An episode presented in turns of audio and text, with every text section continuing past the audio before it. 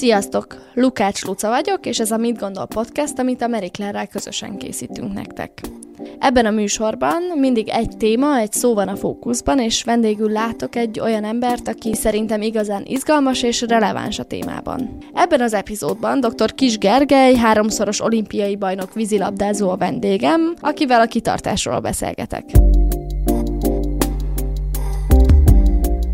Mi az az apró részlet, ami megkülönbözteti az olimpiai bajnok sportolót a nem olimpiai bajnok sportolótól? Abban biztos vagyok, hogy az ilyen kimagasló eredmények nagy része fókuszáltság és pszichés helytállás kérdése fegyelmezettség, és az a képesség, hogy akkor is végigcsinálom az edzést, amikor már semmi kedvem nincs hozzá. Kis Gergely társaival 1997 és 2008 között lényegében végigverték az egész világot. Vízilabdázóként elhozták az olimpiai aranyat. 2000-ben Sydneyből, 2004-ben Aténból és 2008-ban Pekingből.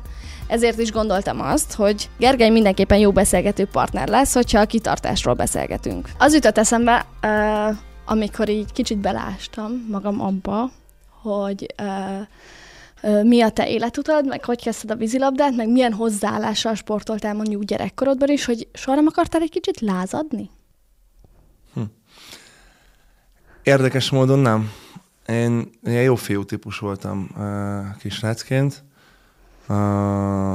Anyukám úgy dolgozott minimum két munkahelyen mindig, hogy sokat volt otthon mégis, mert házfelügyelő volt, vagy egy, egy uh, akkor ilyen magánvállalkozás kezdeményezésnek hívták, még nem éltél akkor a GMK-knak, akkor dolgozott ilyen cipészként, de sokat volt otthon, és, és sokat figyelt rám a tanulmányaimra is, hogy jól tanuljak.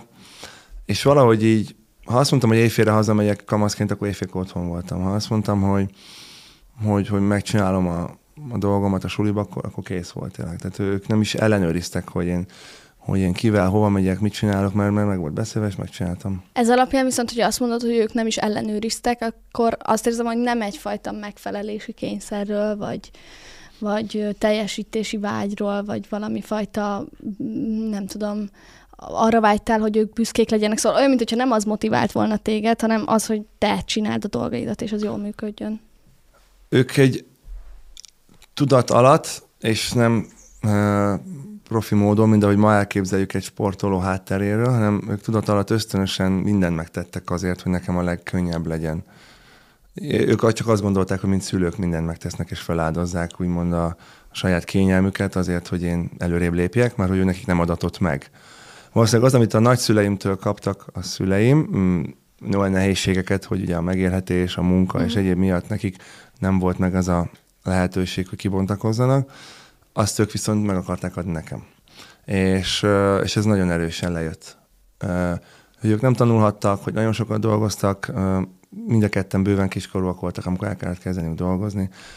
Egész életükben minimum 8 órát, de inkább 10-12-ket dolgoztak külföldre ment apukám, hogy jobb legyen nekünk mm. családilag, és akkor is játékokat vett, meg, meg mindenféle ajándékokat a családba. Tehát, hogy ilyen ö, rólam szólt úgy minden, hogy nem elkényeztettek, meg volt a feladatom, tanultam, mint a kisangyal, meg, meg sportoltam minden nap, de, de az élet más dolgaira nem kellett nagy energiákat fektetni, mert mindenbe segítettek, meg, meg, meg mögöttem álltak, ugye főleg anyu, aki otthon volt, és nem volt bennem ilyen vágy. Talán az volt egy vágy bennem, hogy hogy bele szerettem a vízilabdába nagyon, és hogy abból kihozni a legjobbat, tehát egyfajta ilyen sportemberi magatartás uh-huh. tükröződött ki akkor, vagy, vagy bontakozott ki.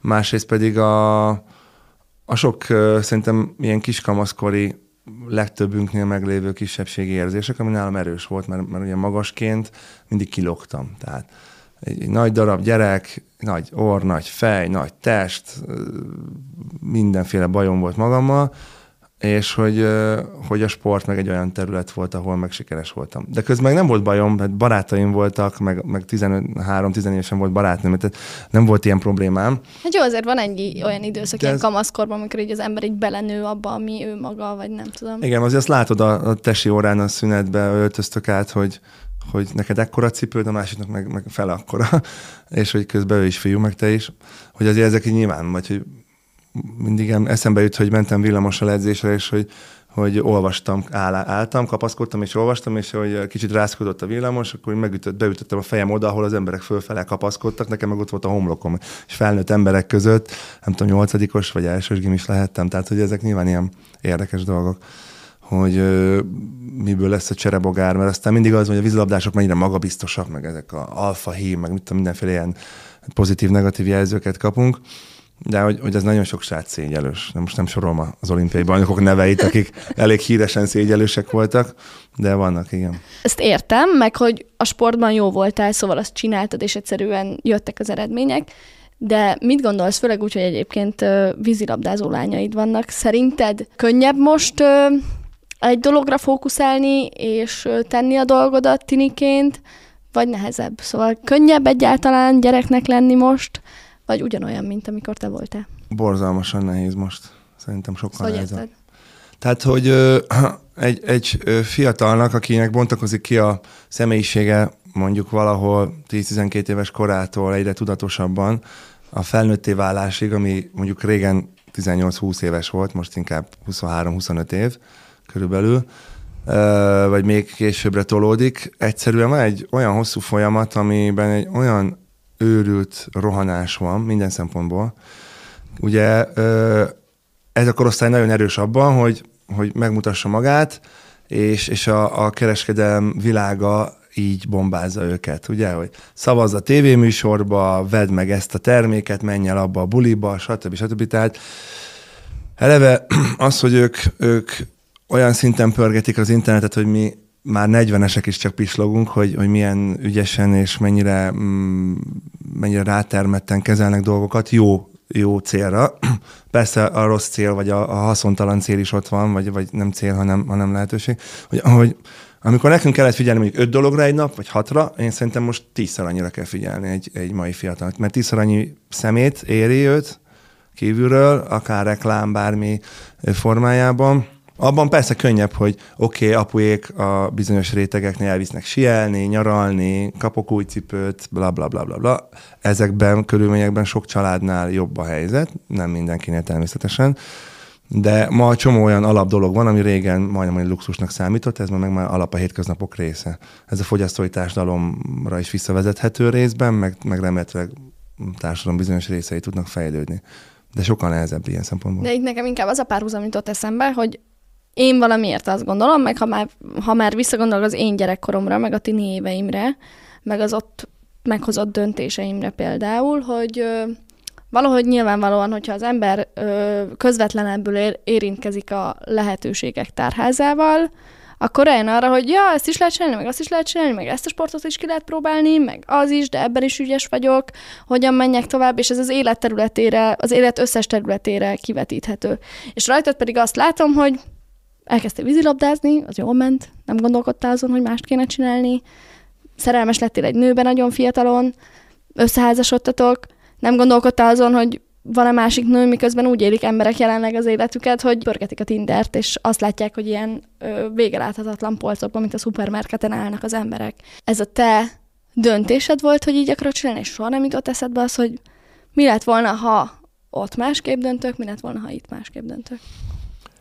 Erre azt szoktam mondani, ha úgy veszük az életünket, mint egy óriási, gigantikus fát, nagyon sok ággal, és mint egy kis hangya megyünk rajta, hogy éppen melyik ágra megyünk rá, és ott mi történik velünk, hogy elkap egy madár, vagy éppen alakítunk egy kolóniát, vagy nem tudom, akkor, akkor igenis uh, szerintem aki kicsit tudatosan él, már annak annak föl kell merülnek, hogy ezek a faágak, ezek hova vitték, és esetleg lett volna más, mm. vagy ennek van-e értelme utólag, de legalábbis tapasztalatot szerezni, okulni belőle. Nekem voltak szintén ilyen döntéseim, persze, erősek, de, de amikor az fölmerült, hogy hosszabb időre elhagyni a hazámat, vagy, vagy, vagy esetleg föl sem merült, hogy más emberrel élni le az életemet, de amikor azon gondolkodtam, hogy lenne még egy olyan ember, akivel ennyire jó lenne, vagy, vagy ha valaki nekem szimpatikus volt, akár csak emberileg, nem is külsőre, hogy, hogy egy olyan fajta emberrel én tudnék élni, akkor, vagy más sportágat űzni kiskoromba, egyszerűen így az, ha második lépésnél, vagy a második mondatnál ez fölmerült, hogy biztos, hogy nem. Tehát, hogy amit csinálok, az, az én vagyok.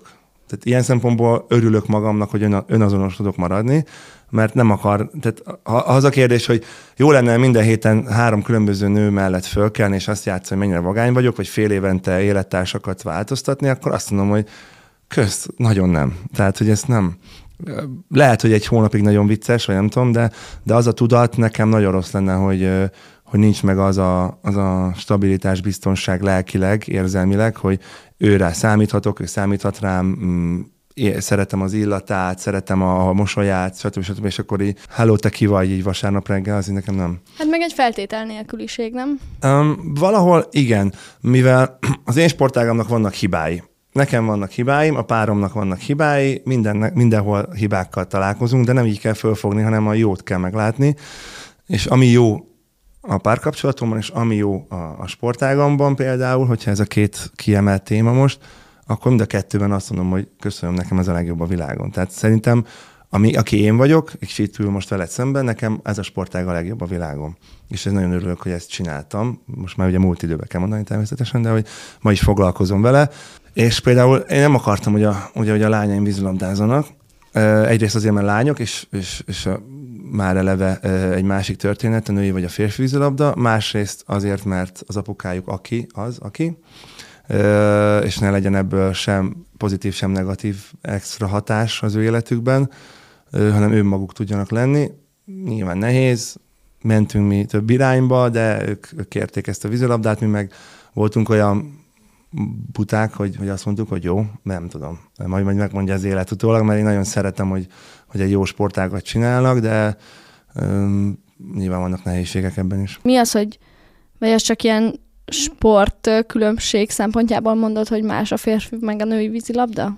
Vagy ezt miért Igen, igen. Elsősorban az, hogy ez egy olyan érdekes összetett sportág, ami küzdősport is, hülyén hangzik, de az, hiszen van benne fürdőruhatépés a lányoknál, ha elindulok, akkor önkénten is lehet, hogy hasba rúglak, vagy comborúglak, ha bemegyek centerbe fiúként, és elkapom a nadrágodat, nem biztos, hogy csak oldalt kapom el. Tehát, hogy nyilván egy könyökös, most is kapott a kislányom egy könyökös, és nyilván nagyon-nagyon sajnálom, hogy van egy lila folytja, és fájt neki nagyon. Ha fiam lenne, és a fiam kapna egy, egy könyököst, akkor azt mondom, hogy jó, hát fiam, szedd már össze magad, mert ugye is adok még egyet, idézőjelbe, de, de egy lánynál nyilván sokkal más, másabbul áll hozzá egy apa, Ráadásul mondom az összehasonlítás, vagy a, a vezetéknél nyilván ez is egy, egy olyan kérdés, hogy ha irigy, akkor valaki akkor negatívan hathat rá, ha, ha pedig elfogult, akkor túl pozitívan, és egyiket se szeretném.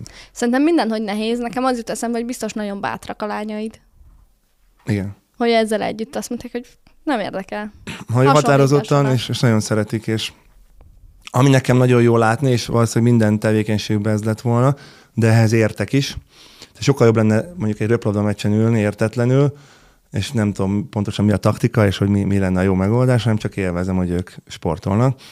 De hogy vízilabdáznak, így, így, így értem, látom, sokszor ez zavar, hogy látom mindenkinek is a hibáit, hogy pont olyan hibát csinál, mint az apja csinálta 15 évesen, vagy, vagy a játékvezető mibe hibázott, vagy az edző, vagy a csapattárs, vagy az ellenfél mit csinálhatott van rosszabbul, vagy jobban.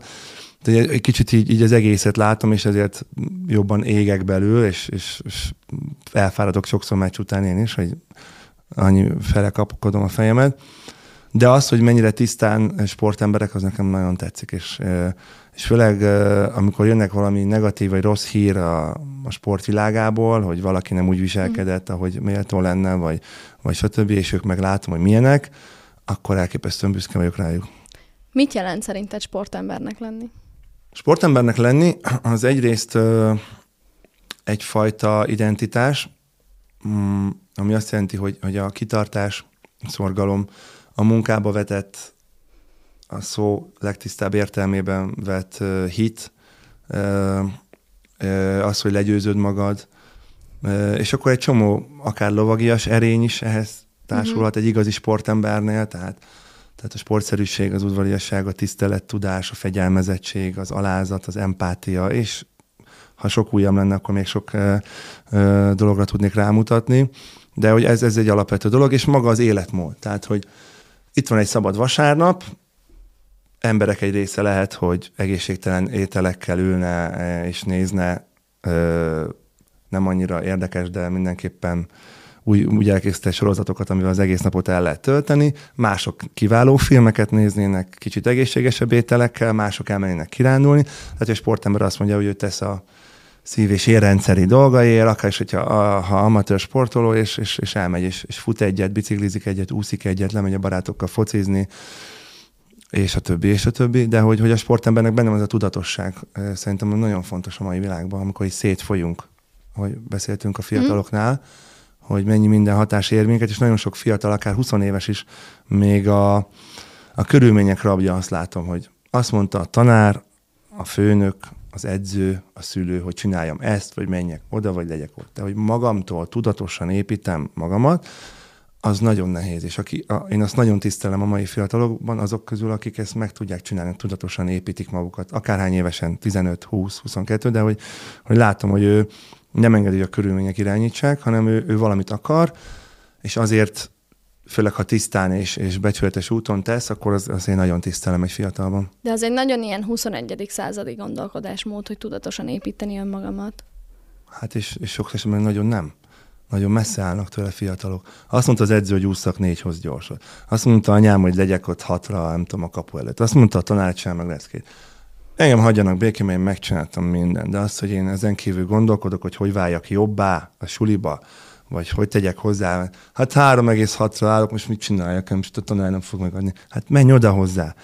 Kérd meg, hogy hagyd tegyél valamit, hogy plusz jegyed legyen. Hogy, hogy Ó, te jó ég! Na érted? Tehát, Biztos nem bírtalak volna, egy kivibá jártunk volna. De nem, én nem, én nem, én nem, nem azt mondom, hogy ilyen voltam, én sem voltam kitűnő tanuló gimiben, meg főleg, meg angol tagozatra mentem, csak ez a, ez a mentalitás, hogy tegyek magamért, gondoljak mm-hmm. magamra. Ne azt mondjam, hogy ja, fölteszem a kezem, hogy én már biztos hármas leszek, hanem nézd meg, hogy lehetsz négyes. Ha nem, akkor mondjuk azt, hogy nem. Tehát arról van szó, hogy mindenki ötös lesz, az élet bármely területén, a munkában. Tehát nem lesz mindenkiből vezérigazgató, vagy milliárdos, mm-hmm. vagy, vagy külön díjas, nem tudom milyen díjazott uh, sikeres üzletember, vagy művész, vagy akár nem lesz mindenkiből az. De ha meg se próbálsz tenni magadért, akkor mit vársz? Te biztos voltál gyerekkorodban abban, hogy ekkora sikereket fogsz elérni? Igen, de nem tudtam, mit jelent. Tehát olyan messze voltam tőlem, mint Makó Jeruzsálemtől, hogy elérjem azokat abban a pillanatban, amikor azt gondoltam, hogy erre vágyom és ezt akarom elérni. De azzal az identitással éled az életedet 12 év. Hogy megyek az olimpiai arany felé. De hogy, hogy én 150 lépésre vagyok tőle, vagy egy millió lépésre, azt nem tudtam. Fogalmam se volt, mi az a mértékegység, hogy olimpiai kerettagnak lenni, vagy ilyesmi. Ö, persze, mivel hamar bekerültem a válogatott keretbe, ilyen kereten kívüli fiatal meghívottként a 16. születésnapom előtt ott voltam, ezáltal hamar belekerültem a sűrűjébe, és láttam a legjobbakat, de de e, fiatalabb koromban is már olimpiai bajnok akartam lenni, amikor meg általános iskolás voltam, de hogy éppen csináltam adott edzést, éppen próbáltam egy kicsit képezni magam egyedül, otthon egy meccs nézéssel, vagy egy kis teniszlabdával játsz, vagy bármi, de, vagy ott maradva edzés után egy pár percet, de nem tudtam, mit jelent az. Tehát ez megfoghatatlan dolog, hogy hogy lesz valakiből Oscar Díaz színész, vagy olimpiai bajnok sportoló. Tehát ezt nem tudod előre, amikor kicsi vagy csak tudod, hogy szeretnéd elérni, és, és elkötelezett vagy. Ez egy ilyen belső dolog, ezt nem lehet tanítani. Sok mindent lehet tanítani, azt, hogy legyél elkötelezett, és, és, és igazán akard a zsigereidből azt, azt nem lehet megtanítani. Az fejleszteni lehet esetleg nagyobb korban, de egy tizenéves kisgyereknél az vagy megvan, vagy nincs. Készül egy film, sőt, amikor most ez megjelenik ez az interjú, akkor már túl vagyunk a tízbemutatón, és meg lehet nézni a mozikban a Nemzet aranyait, és a filmnek van egy része, amikor arról beszéltek, hogy, hogy egész nyáron konkrétan a fizikai fájdalomig készültetek, és mindenkinek az volt a fejében, hogy, hogy olimpiai év van, és, és menni kell, és csak mindenkinek az olimpiai arany volt a, a gondolatában, és azzal keltetek, és azzal feküdtetek.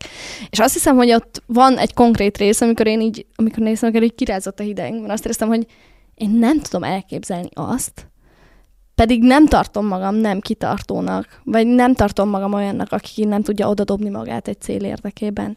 De nem tudom elképzelni azt a, azt a fizikai állapotot, hogy te már fizikailag rosszul vagy, de még akkor is végig csinálod az edzést, és még akkor is oda teszed magad.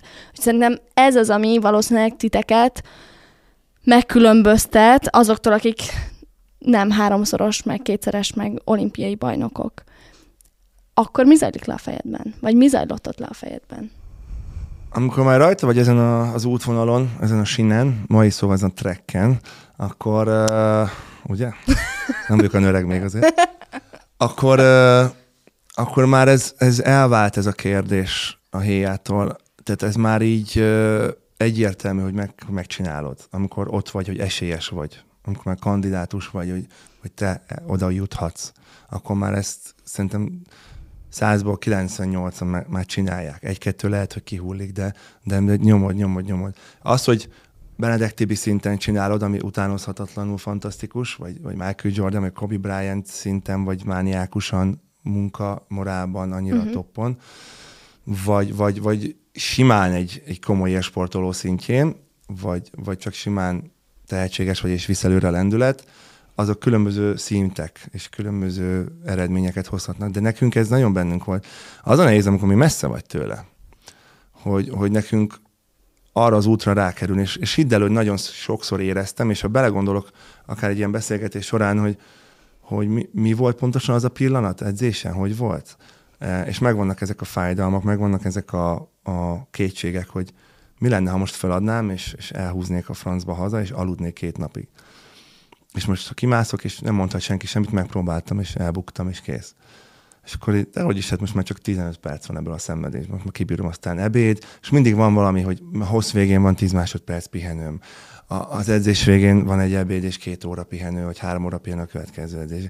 És akkor mindig, és akkor majd, majd ha az. Volt hogy edzésen arra gondoltam reggel, hogy majd este milyen jót fogok aludni, és milyen hamar le fogok feküdni, persze akkor nem jön össze, mert az ember valahogy túl, túl esik egy holdponton, és akkor végignéz egy filmet, és két fekszik le, de de hogy ez nagyon sokszor bennem van. És ma, amikor már nem vagyok élsportoló, és mozgok és sportolok, futottam a hétvégén Margit szigetkört, és egy kilométer úgy ment, mint néztem is az részidőmet, hogy így nagyon-nagyon jól ment, uh-huh. de közben azt éreztem, hogy most tulajdonképpen elég is lenne fizikailag, amit a lábaim éreztek, meg a, a szívem, ahogy dolgozott, azt mondom, hogy ez akár ez vége is lehetne, de még van 75 százalék munka, mert 25-nél járok, vagy 20-nál. És, és akkor a második, harmadik kilométer, mint edzésen olyan sokszor ez a 30-40 százalék a munkának, amikor már fáradt vagy, de még mm. nagyon sok van az ilyen, fú, ez most valami fölösleges hülyeség, amit most csinálok, hogy szétszedem magam, mit keresek itt, és ez nagyon sokszor felmerül a sportolóban. És aztán végigcsináltam persze, és jó idővel végigcsináltam magamhoz képest azt a hülye szigetkörömet, de sőt, még, még befutottam az usztodában még egy félkört, de, de hogy ez nálunk nagyon megvan, ez a küzdeni tudás, hogy könnyebb egy idő után a mókuskerékbe bemaradni, és pörögni, pörögni, pörögni, mint kilépni belőle, mert kilépsz, akkor azt jelenti, hogy fú, oda-vissza, én még egyszer nem. Ezt érzed abban a pillanatban. Aztán persze nagyon sokan százszor, meg ezerszer visszamennek, de te ezt valószínűleg ezt gondolod úgymond kívülről, hogy azt végigcsinálni, azt a rohanást, azt nem bírnád, de ha benne lennél, és lenne, látnád magad előtt a célt, tudod, mind a szerencsétlen lónak oda teszik a, elé mhm. a falatot, és akkor megy utána a világ végéig, már rég hullafárad, de megy előre hogy te is mész a felé, a cél felé, és az ember ott jön rá, hogy mennyi mindent le tud győzni, mennyi kételyt, mennyi holdpontot. És amikor már nagyon fáradt vagy, már nulla energiát érzel, azt érted, hogy az összes kalória már kiszállt belőled, és, és semmi nem tart már egyben, csak a bőröd, na akkor még van egy három-négy szint, amit még le tudsz győzni. És gondolj arra, bocsánat, egy példa, volt ez a szörnyű földrengés, hogy emberek négy-öt nap után kijöttek. Te bele tudsz gondolni, hogy nem eszel mondjuk tíz órán keresztül, vagy fekszel kövek alatt tíz órán keresztül, majd tíz órát se tudsz elképzelni. Ők öt napig ott voltak, az az életükért volt, az a legnagyobb harc az életedért nyilván az életben. De egy sportoló be tud kerülni egy olyan állapotba, amikor így teljesen kikapcsolja magát, nem az életért harcol, közel sincs a két példa, nem párhuzamosan mondom, uh-huh. csak hogy mennyi mindent legyőz az ember a túlélésért, vagy egy nagy célért, különböző a szint, nem párhuzamot húztam, de sokkal többre vagyunk képesek, mint gondolnánk a legtöbbször én az életem során nagyon sok olyan dolgot csináltam, ami szubjektíve mérhető. És a sport, az pedig egy nagyon objektív dolog. Ki lőtt több gólt, ki volt gyorsabb, ki ért oda először, ki ugrott magasabbra. Ezek annyira mérhető dolgok, ami egy nagyon-nagyon egyértelmű pecsétet ad arról, hogy te most éppen ebben a pillanatban erre vagy képes. Az ember így dolgozik, dolgozik, dolgozik, és te többször megélted, ezt a pillanatot, kicsiben is, meg aztán nagyban is az olimpiákon, meg EBK-n, meg VBK-n, meg nem tudom, hogy, hogy érted, de hogy a döntő napja, az aranyéremért játszott meccs napja, az igazából egy vasárnap, egy sima vasárnap, ugyanolyan, mint a többi. És akkor így azon múlik, hogy előtte szombaton hogy aludtam, meg, meg azon múlik, hogy nem tudom, mit, mit írt a csajom. Mit tettem? Meg ilyen? Igen, és hogy ezt a fókuszt, vagy ezeket a kis apróságokat, ez, ez tényleg ennyire könnyen tud megingani az a, az a kis lépcsőfok, aminek ott állsz már a cél előtt egy lépéssel? Ha tudat alatt úgy döntöd el, hogy, hogy hagyod magad ezeknek engedni, akkor igen, el lehet rontani. Mert akkor alkalmas vagy rá, hogy, hogy ebbe belemenjen ebbe a, a verembe, belemásszál lefelé. Ö, ellentétesen viszont a, a győztes sportolónál az a mentalitás van, hogy igen, volt olyan meccsem, hogy előtte négy órát aludtam, és nekem a versenyző időszakban 7 és fél és 9 között volt a, a jó alvásidő. Főleg fiatalabb koromban, amikor jöttek a gyerekek, akkor már ez lecsökkent azért a, az alvás lehetőség, meg igény. De ilyen 7 és fél és 9 óra között aludtam valahol éjszakánként, és nagyon sokszor aludtam délután egy picit. Mert amikor három és fél órás edzésed van, és beebédelsz, és van rá időd, akkor egy délután kettőkor egy óra alvás, az megmenti az esti edzésed minőségét elég keményen. Ahelyett, hogy könnyes szemmel, mert, mert nem látsz előre kettőt a kocsiba, vagy a villamos megállóba azt érzed, hogy ledőlsz a villamos elő olyan fáradt, vagy úgy lemenni egy két és fél órás délután edzésre, azért az nem olyan vicces. Úgyhogy amikor tudtam, pihentem délután, de hogy a, volt olyan fontos meccsem, konkrétan olimpiai meccs is, hogy három-négy órát aludtam éjszaka. És akkor fogjam arra. És az volt, az volt az eldöntendő kérdés, hogy Valószínűleg borzalmasan gyenge minőségű kaját tettem az olimpiai faluba, hiszen tizenvalány ezer embert ellátni, nem biztos, hogy a uh, Jolika néni a bioparadicsomát simogatva azt tették oda elém, és nem tudom. Uh, és akkor fogjam arra, hogy mit tettem, hogy aludtam, vitatkoztam-e a családban bárkivel is, vagy nem előző nap SMS-ben, vagy, vagy telefonon, vagy, vagy a csapattársaim közül bárkire, és picit is haragszom. Ezen múlik a életünk vágya, hogy elérjük el sikert, vagy nem. Úgyhogy ilyenkor jó attitűd az, hozzáállás, hogy azt mondom, hogy nem, nem érdekel semmi. Az, hogy 3-0 az ellenfélnek az aténi döntőben, vagy esik az eső, erre szokták mondani, hogy ilyen-olyan gyerekek potyognak az égből, akkor se e, hagyod magad, és azért egy ilyen sportoló így, így teszi magát. E, sérülten bedobják a, a legfontosabb dobást azok az emberek, megfutják a legjobbjukat, beviszik az utolsó pontot vívóként, bármi. Tehát akkor ezt így legyőzöd, és így kikapcsol az agyad, és, és a legjobbra vagy képes. Visszafolytva sportoló szemmel meg a szubjektív dolog idegesítő, hogy csináltam egy nagyon jó számot, filmet, írtam egy nagyon jó könyvet, és senki, ne, senki nem olvassa el ezt a könyvet. Ott rohad a polc végén. Volt olyan kedves barátom, aki írt egy könyvet, és nem lett sikeres. Mi, mi a mértékegysége? ott meg az a rossz, hogy, hogy miért, miért dönti el egy zsűri, hogy az én filmem elnyeri a filmszemlén, vagy a nem tudom milyen Grammy vagy nem tudom micsoda. Igen, de tudod mi más benne? Hogy tudom azt mondani, hogy mert annak ott rossz az ízlése. Tehát én ezt csak arra mondom, hogy könnyebb felmenteni magamat, vagy megtalálni azt, hogy amúgy nem arról van szó, hm. hogy én vagyok a béna, és én vagyok a, a rossz, aki nem csinált jól, vagy nem a legjobbat csinálta, mert felmentem magam, hogy nem értékelik persze, de attól ez még értékes. Könnyebb felmentenem magam, ki mondja meg, milyen mérce alapján mondja meg azt, a... hogy mit csinálok. Miközben vagy én, vagy én értem oda elsőnek a medence szélére úszás tekintetében, vagy nem. Az úszás is egy másik dolog, az egyéni sportágak. Csapatsportában például ott van a kifogás, hogy az edzőm miért nem rakott be engem a végén, miért a csapattársam játszott, vagy én gyenge voltam, miért nem cserélt le engem, miért nem szóltam én az edzőnek, hogy lemennék. Miért ezt a taktikát választotta az edző? Miért szoros? Miért nem zóna? Miért fújt a bíró büntetőt ellenünk? Tehát tudok kifogást keresni, hmm. ami azt mondom, hogy máson is múlik a dolog. Miért nem vette észre a bíró, hogy megütötték a csapattársamat, ki kellett volna állítani az ellenféljátékos, hát így meg gólt lőttek, mert a csapattársam meg közben megsérült, vagy valami. Tehát egy csomó minden szubjektív van a sportban is, még akkor is, ha, uh-huh. ha a végén a, aki többet lő gólt, az, az, azért az aranyérem de sok ilyen szubjektív dolog van a sportban is. És, és ráadásul ami nagyon fontos, hogy nem egy versenyre készülök egész életembe, hanem, hanem van 50, 60, 80, 100 hely, ahol bizonyítok. Vegyünk egy teniszezőt, hány verseny elindul egy teniszező, egy, egy Sampras, egy, egy, egy Federer 786 verseny indult, abban megnyert 92-t, 85-ben döntőbe kikapott, 63-ba elődöntőbe kapott ki, tehát voltak kudarcok, kis sikerek, nagy sikerek, maximális sikerek, ez így váltakozik. Tehát nálunk is van mindenféle. Azért, mert mi háromszor nyertünk olimpiát, nem nyertünk mindig aranyérmet, nem nyertünk meg minden meccset. Voltak ezüstök, bronzok, sajnos még ötödik hely is egyszer ebben a 12 évben. Tehát volt mindenféle, legtöbbször nálunk érem volt, mi azért voltunk egy nagyon erős generáció, mert egy kivételével 12 év alatt mindig 20 valányszor csak érmet nyertünk. Azt senki nem tudta megközelíteni se ezt a statisztikai vonalat.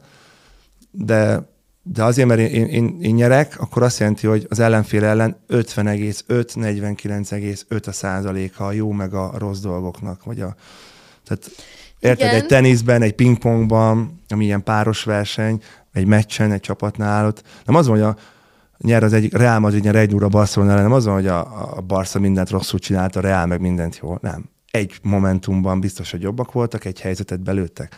De ugye a meccs folyamán ki, hogy játszott, az az elemzők dolga. A Barca egyébként jobb volt, de a Real rúgott egy gólt. Senkit nem érdekel, mert három pont az ott van. De érted, szóval, hogy uh-huh. ebben is sok szubjektivitás van. Szerinted az, hogy ö, ö, valaki olyan szintű sportoló lesz, mint te, mert te például ne, fizikum szempontjából arra születél, hogy vízilabdázó legyél. Ö, mégis az eredményeid, a, a három olimpiai arany, az hány százalékban a pszichéd, és hány százalékban az, hogy az alkatod, és hogy erre születtél? Jó lenne egy pontos választ adni erre, hogyha tudnánk. Mi sportolók, és megint csak átcsatolok más dolgokra, mondjuk egy énekesnél hány százalék a hang, és hány százalék a megjelenés, meg a showbiznisz, ami körülötte van. Gondoljuk a legnagyobb showra, a színpadra, amit kiraksz. Hogy kit érdekel, picit gyengébb a hangja egy olyannak, aki olyan sót rakott ki. Tehát, hogy mennyi a fizikum, mennyi a mentalitás, ez nagyon nehéz nálam. Én azt gondolom, hogy mind a kettőben erős voltam. Én a varázslásra, labdával történő csodákra korlátozottan voltam képes, nem voltam ügyetlen, de nem voltam a legnagyobb zsonglőr. Ö, átlagosan jó voltam a válogatott szintű vízilabdások között, az állóképességem, a, a hozzáállásom, a küzdeni tudásom, ami fejből jött, az párosult az, hogy fizikailag ezt elkezdte bírni a testem, uh-huh. és fölvette a tempót. Úgyhogy valószínűleg ez szerintem azért a, a mentalitásból indult, csak aztán hozzá került egy fizikum. Persze magas voltam fiatalon is, tehát jó volt a váz, az alap, hogyha élettem volna az osztály legkisebb játék, ö, tanulója, akkor valószínűleg nem én lettem a vízilabdás az osztályból. Mivel mindig top kettő voltam minden osztályban, ezért nyilván ez, ez erre vitt. Csak ez így jól jött össze, hogy meg volt hozzá a mentalitás. Amikor mondjuk azt, hogy volt egy, ad- egy adottság, és ahhoz erős volt a mental- mentális rész.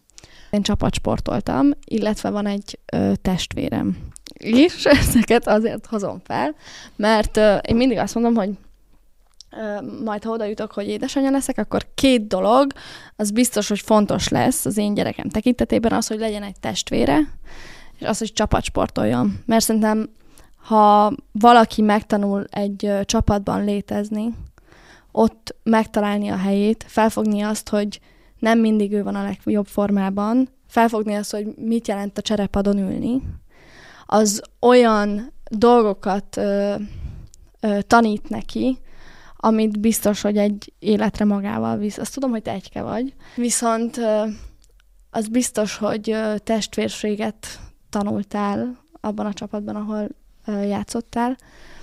Szerinted az, hogy ti nem szálltatok el azoktól az eredményektől, amiket elértetek, az azért van, mert ott voltatok egymásnak? Uh, részben igen Egyébként meg köszönöm, hogy eljöttem a műsorban, nagyon összefoglaltad a csapasport előnyeit. Viccet félretéve. Az, hogy egyke voltam, vagy vagyok, az szerintem sokban hozzájárult a pályafutásomhoz, hogy én jó mm. csapatemberé akarjak, akarjak válni, hiszen nem tudtam, milyen az, hogy, hogy, hogy úgy összekacsintani, vagy úgy, úgy, úgy egy hullámhosszú lenni a tesókkal, kettővel, hárommal, négyel. De ez veszélyes is persze, mert nem tudok együttműködni, mert hozzá szokva, hogy most van gyerekszobám, és minden játék az enyém, akkor nem kell megtanulni ö, alkalmazkodni, de vacsorát sokszor a szüleim elől is elettem, tehát nem volt az, hogy a tesó az megver és elgeszi a kajámat, a fiú tesó, vagy valami. Mm, de mégis valahogy kialakult bennem ez kiskoromtól kezdve, hogy imádtam. És a vízilabda pályafutásomnak az egyik fontos alappillére volt, hogy minden, minden közegét, minden részét szerettem. A vizet is, a labdát is, a csapatot is. Tehát én mindegyikre vágytam. Imádtam, imádtam vízbe lenni gyerekkoromban, bármilyen medence, tó, folyó, aztán tenger, de, de imádtam azt is, hogy labda, tenisz, kosár, foci, bármi, csak labdázunk, menjünk, és nagyon szerettem azt, hogy együtt, hogy legyőzzük őket, mint ugye pál utcai fiúk, hogy megmutatjuk, együtt vagyunk, szervezettek vagyunk. Ugye a, ezek a gyerekkori olvasmányaimban is ezek mindig, mindig erősek voltak. Persze a hősök is, aki megmutatja, az kell egyénisége csapatba, hiszen ha én nem, nem vagyok jó, akkor hogy lesz jó a csapat, ha mindenki csak egy átlagos. Sok átlagosból nehéz, nehezen lesz győztes uh-huh. csapat. Legalábbis mentálisan erősnek kell lenni mindenképpen. Úgyhogy, úgyhogy ezeket a dolgokat szerintem jól ötvöztük mindannyian generációsan.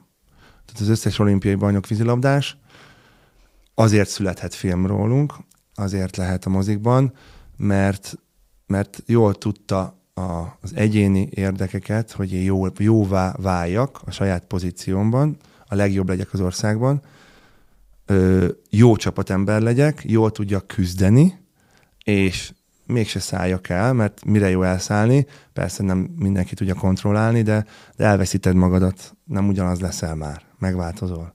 Nem ugyanaz lesz a teljesítményese utána sokszor, hogyha nagyképű leszel, főleg ha a munkában ez meglátszódik az edzés minőségében. De miért jó bunkónak lenni emberekkel, akik odaérnek hozzád, amikor látsz két mondattal kedves. So, én nekem tapasztaltam olyat, hogy, hogy mondjuk mogorvá voltam, mert kifejezetten rossz indulatúan közelítettek meg mondjuk, vagy nagyon nem szakértő volt, nagyon butaságokat mondott nekem valaki, és, arra gondol, és akkor volt, hogy belementem egy ilyen vitaszerűbe, oda-vissza mondtunk dolgokat, érveltünk, és ez volt, volt 5-10 perc ha kedves vagyok, és normális vagyok, akkor egy perc alatt végzek, még azzal is, aki, aki negatív, vagy hozzá nem értő, vagy rossz szándékú, szándékosan rosszat akar mondani, vagy tenni. És akkor ezt így kezdtem megtanulni, hogy ha kedves, akkor azért legyek kedves, ha meg nem kedves, akkor meg most mi, mit érek azzal, ha meglököm, vagy beszólok neki, vagy, vagy olyat mondok, megsértem. Úgyhogy próbáljam meg minél gyorsabban elintézni azt a részt is, és azt lehet, hogy egyszerűbb, hogy nem érti, hogy nincs fal, amivel tud ütközni, hanem így hello és akkor így leesik a, arról a, arról ja, a hülye szikláról, érted? Ö, a felelősség súlyával soha nem volt bajod? Én nagyon sokszor be voltam tojva, és szerintem minden ilyen sportoló, a legnagyobb nevek is, a, most a világ legnagyobb sportolóit mondjuk, biztos vagyok benne, hogy az öltözőben, a szállodai szobában, a buszon, a repülőn, a repülőtlen bármikor tele volt a kétségekkel, és az, hogy úristen, most tényleg az ellenféltől az a nagyon jó fog engem majd szorosan a nyakamba lihegni és fogni, és mennyire nehéz lesz, mm, és meg tudjuk-e csinálni, milyen jó az ellenfél.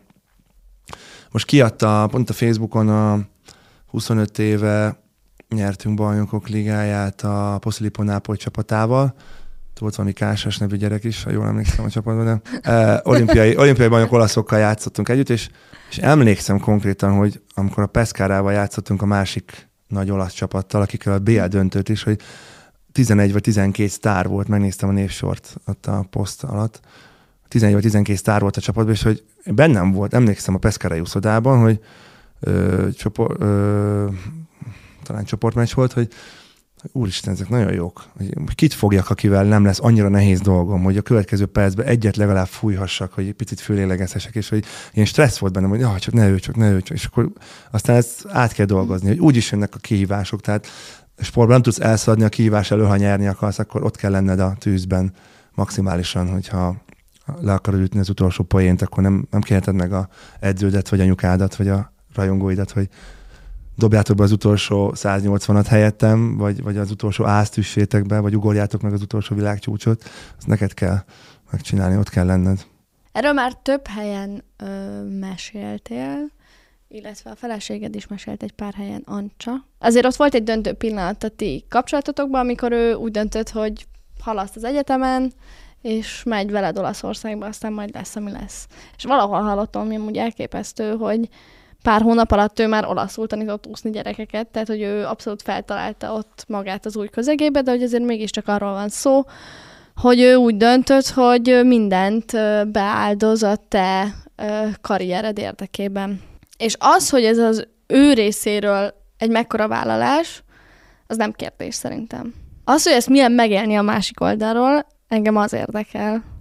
Hát ugye a, a férfi, mint állatfaj, az egy különleges abban a szempontból mindenképpen, hogy nagyon-nagyon tud szenvedni, dolgozni, küzdeni, és nagyon tud természetesnek venni olyan dolgokat, ami egyébként a nőkre is igaz, hogy természetesnek vesznek dolgokat, csak ők óriási dolgokat vesznek természetesnek, hogy meg kell csinálja, mint anya, mint feleség, mint nagymama, és a többi különböző szerepekben. Férfiaknál ez úgy van, hogy szerintem sokszor, hogy nagyon értékeljük, de abban a pillanatban nem, sokszor nem tudjuk. És ha én visszagondolok, és, és majd vissza fogok gondolni, nem tudom hány évet élek még, de majd akkor, amikor az utolsó pillanatokban leszek, ha visszagondolok, akkor, akkor az lesz, hogy nálam vannak a kitüntetések, meg a nem tudom mik, meg a díjak, de hogy például az én feleségem, vagy, vagy más hasonló nő, aki más területen ennyit tett az életben, hogy ő, ők, tényleg, ők tényleg a minden. Tehát ezt nem lehet kifejezni egy, egy vacsorával, egy szál virággal, egy ékszerrel, egy, egy díjjal, ezt nem lehet. Tehát, nincs, tehát az, hogy én olimpiai bajnok vagyok, és, és kapok érte erkölcsi, tárgyi, anyagi, bármilyen elismerést, az így kb. így oké. Okay. De amit egy nő csinál, az, az felfoghatatlan. Tehát a, most egészen naív vagy messziről indulva a, a lány problémák, amik elindulnak kiskamaszkorban, és rendszeresen... A Igen, jó, jó, de én mondjam ki. Tehát, hogy onnantól kezdve Igen, egy fiú... szörnyű, én nem is értem, hogy bírjuk ki. Egy fiú mit hisztizne? Hát gondold bele, ha csak egyszer kéne megélni, nem minden hónapban. És kislányok, 12-13 évesen, 12 éves fiú, az tudom, én megütöttem az ujjamat, és akkor az anya egy hétig ápolja. Na szóval félig viccesen mondtam, de de ez egy ö, őrület, amit egy nő 12 éves korától végigcsinál, mindenféle korszakon át, ö, a szüléssel, főleg az, aki még karriert is épít, stb. Tehát én, én nekem, én mindig nőpárti voltam, és meg is kaptam három lányt ezért otthon a, a feleségem mellé, hogyha már ezt így hirdettem magamról, de, de én nagyon szeretem a férfi szerepeket, én maszkulinnak tartom magam, én harcosnak tartom magam, különböző korokban látnám magam, hogy milyen szerepem lenne a társadalom milyen részeiben, akár egy várfalon, vagy akár egy Kovács műhelyben, vagy tök mindegy hol, nem teljesen mindegy, hogy hol, vagy egy hajó, vagy bármi, ha már víz, de hogy hogy, hogy amit a nők végigcsinálnak, főleg azok a nők, akik, akik minden szempontból ennyire tiszteletre méltóak, nem lehet kifejezni. Úgyhogy én soha nem azt, hogy nem lehetek elég hálás, az egy mondat, és ez egy ilyen szófordulat, de, de szó szerint. Uh-huh. Én, én, én, ezt a csatát elvesztettem a feleségem eszembe, és soha nem fogom tudni azt, azt visszaadni, amit kaptam. De hiába viszem el nyaralni a családot, vagy bármit csinálok, az nem fog összejönni ezzel. Úgyhogy most ez egy vallomás volt. Ez egy szép gondolat. Úgyhogy ezt, ezt a csatát biztos, hogy elvesztettem. Szerintem is. Jó döntéseket hoztál? A lehető legjobb életet érted meg? Az összkép, az eredmények azt mondják, hogy igen. Tehát család, szuper. Sportpályafutás, szuper. Itt vagyok, élek még, igen. Tehát diploma volt, igen. Tehát minden, ami, ami, ami így fölírható, vagy elmondható, vagy, vagy leírható egy profilba uh-huh. rólam, az szuper. Az, hogy mit rontottam el, az borzasztó hosszú lista, megközelíti azt, ami a, az erények mellett van, hiszen ahogy mondtam, azért, mert valaki győz, csinál tíz jó dolgot, mert csinál hat-nyolc rosszat. Nekem sok volt a jó dolog, természetesen a csapat eredményei ezt mutatják, meg a csapatnak sok volt a jó, de mindig, mindig én maximalista voltam, és önkritikus borzalmasan, mindig kerestem azt, hogy mi volt a hiba, mit, mit kéne javítani, de például ezekben még további hibákat látok. Mondok egy konkrét példát. A 2011-12-es évemet a válogatottban ö, valahogy biztos, hogy jobban kellett volna csinálnom. Sőt, a klubban Már is. ez most már az az időszak. A... Annak nem a filmnek a témája, mert a, a mi filmünk ugye... 2008-ban. Igen, 1997 2008-ig tart a filmünk. 2009-ben volt egy olyan évünk, hogy hiába volt jó a csapat, de nem tudtunk nyerni. 2010-ben nekem volt két kisebb műtétem, ott nem voltam a csapattal, és 11-12-ben voltam még. És egy nagy... Még elmentetek olimpiára. Elmentünk gondolom olimpiára, de mindegy, ez most csak egy példa, egy példa, hogy igenis, sőt, egy két éves periódus rögtön kiemelek, amikor sok mindent biztos jobban csináltam volna, vagy jobban dönthettem volna. Tehát én sose voltam lusta, vagy lazsálós, vagy, vagy nem furtam meg edzőt, vagy ilyesmi, de, de biztos, hogy hogy hozhattam volna jobb döntéseket, vagy lehettem volna akár önzőbb, akár előrelátóbb, ért emberi csalódás is. Például a, mm, abban az időben. Hogy ezeket a dolgokat biztos, hogy, hogy ott elszúrtam egy-kettőt, vagy nem elszúrtam, csak nem ö, figyeltem eléggé az mm-hmm. ösztöneimre, vagy a, a kis visszajelzésekre jobban, jobb, jobb, még jobban döntsek, vagy még jobb legyek. Úgyhogy volt biztos ilyen. Olyan kisebb-nagyobb rosszabb döntések, hogy elmentem esetleg egyik klubból a másikba, és nem, volt, nem jött be annyira. Ugye jós nem vagyok, általában jó döntéseket hoztam. Sokszor kényszerhelyzetben voltam, amikor egy egyesület épp megszűnt, vagy egy szakosztály. Ugye ez a 90-es évek nem volt olyan nagy mm. diadalmenet a magyar sport hátterét tekintve. De igen, azt mondom, hogy, hogy döntő többségben ezt tizen pár évesen csukott szemmel boldogan, és így őrjöngve, újongva aláírtam volna, persze. A jogi diploma az miért volt fontos? Mert hülye vagyok. Azért, mert, mert én ezt kimondtam, hogy olimpiai bajnok jogász szeretnék lenni, általános iskolásként, és egyik felé haladtam nagy erőkkel, tizenévesen, a másik felé pedig azért haladtam, mert a sport miatt nyilván elvesztettem dolgokat, akár egy kis szabadidőt, egy kis magánéleti pluszt, ami másoknak megadatott az én korosztályomban, de nem panaszkodtam igazán soha erre. Meg voltak a bulik, meg voltak az udvarlások, meg voltak a baráti találkozók, csak máshogy. Tudtam, hogy én nekem 7-től 10-ig jó jövő szombaton. És tudtam, hogy, hogy nem az vagy, akkor most pénteken is szétfolyunk a ligetbe, vagy a szigeten, vagy nem tudom hol, és akkor egész nap a miénk. Tehát ilyen nem volt. Tudtam, nekem három órám van erre a programra, két órám van arra tudtam, hogy ez a randi, ez egy egy órás randi lesz. I- ilyen, így éltem, de megcsináltam olyan dolgokat, amiket más fiatal is megcsinált. Ö, és ö, volt B meg C meg D tervem, de az A volt a jog. És akkor, mivel levelezőre fölvettek, így átküzdöttem magam. És aztán jött a sportszakjogász képzés, bejött Magyarországra, akkor meg, akkor meg az érdekelt, hogy hát ha. Nem tudtam, hogy el tudom képzelni magam, hogy egy öltönyben napi 8-10 órát ülök, vagy, vagy jövök, megyek megbeszélésekre, és képviselek egy egyesületet, egy szövetséget, egy sportolót, vagy nem tudom, és tárgyalok, meg nem tudom, meg pereskedek, meg szerződéseket gyártok, de azt gondoltam, hogy adok egy esélyt. Úgyhogy részben fölösleges energia volt, mert nem vagyok jogász most, vagy hát a jogász vagyok, de nem dolgozom gyakorlatban, de részben pedig ez is egy olyan volt, hogy egy emberi feladat, amit meg akartam oldani. Szerintem nincsen olyan iskola, amit elvégzünk, és nem tanulunk belőle, vagy felesleges, akkor sem, hogyha utólag nem használjuk. Egyetértek. Tíz éve vagyok joghallgató. Szép, én csak hét. Úgyhogy igen. Én azt gondolom, hogy, hogy ezek, ezek tök fontos ilyen processzusok, amin végig mennek személyiségek, megcsinálni például egy jogi egyetemet, ez így formál valamilyen szempontból, az biztos. Ö, de mégis egy kicsit olyan, mint hogyha érted, én, én tíz éves koromban azt mondtam, hogy én meg hercegnő leszek, és egész nap puncsfagyit fogok enni. De felfogtam, hogy nem leszek hercegnő, és hogy nem ehetek egész nap puncsfagyit. És hogy te meg így azt mondtad, hogy jogász leszek, és csak azért is, és akkor is erre szükségem van. Szóval szerintem igazából ez az a lélegzetvételnyi, és mégsem különbség az, amitől te vagy az egyik háromszoros olimpiai bajnok vízilabdázónk. Nagyon szépen köszönöm, hogy eljöttél. Köszönöm én is. Köszönöm, hogy meghallgattátok ezt az epizódot. Ha esetleg kedvet kaptatok hozzá, akkor mindenképpen nézzétek meg a Nemzet Aranyai című filmet a moziba. Szerintem érdemes, és legközelebb is hallgassátok, amit gondolt, meg iratkozzatok fel, és lájkoljátok ezt a beszélgetést, hogyha tetszett. Köszi, sziasztok!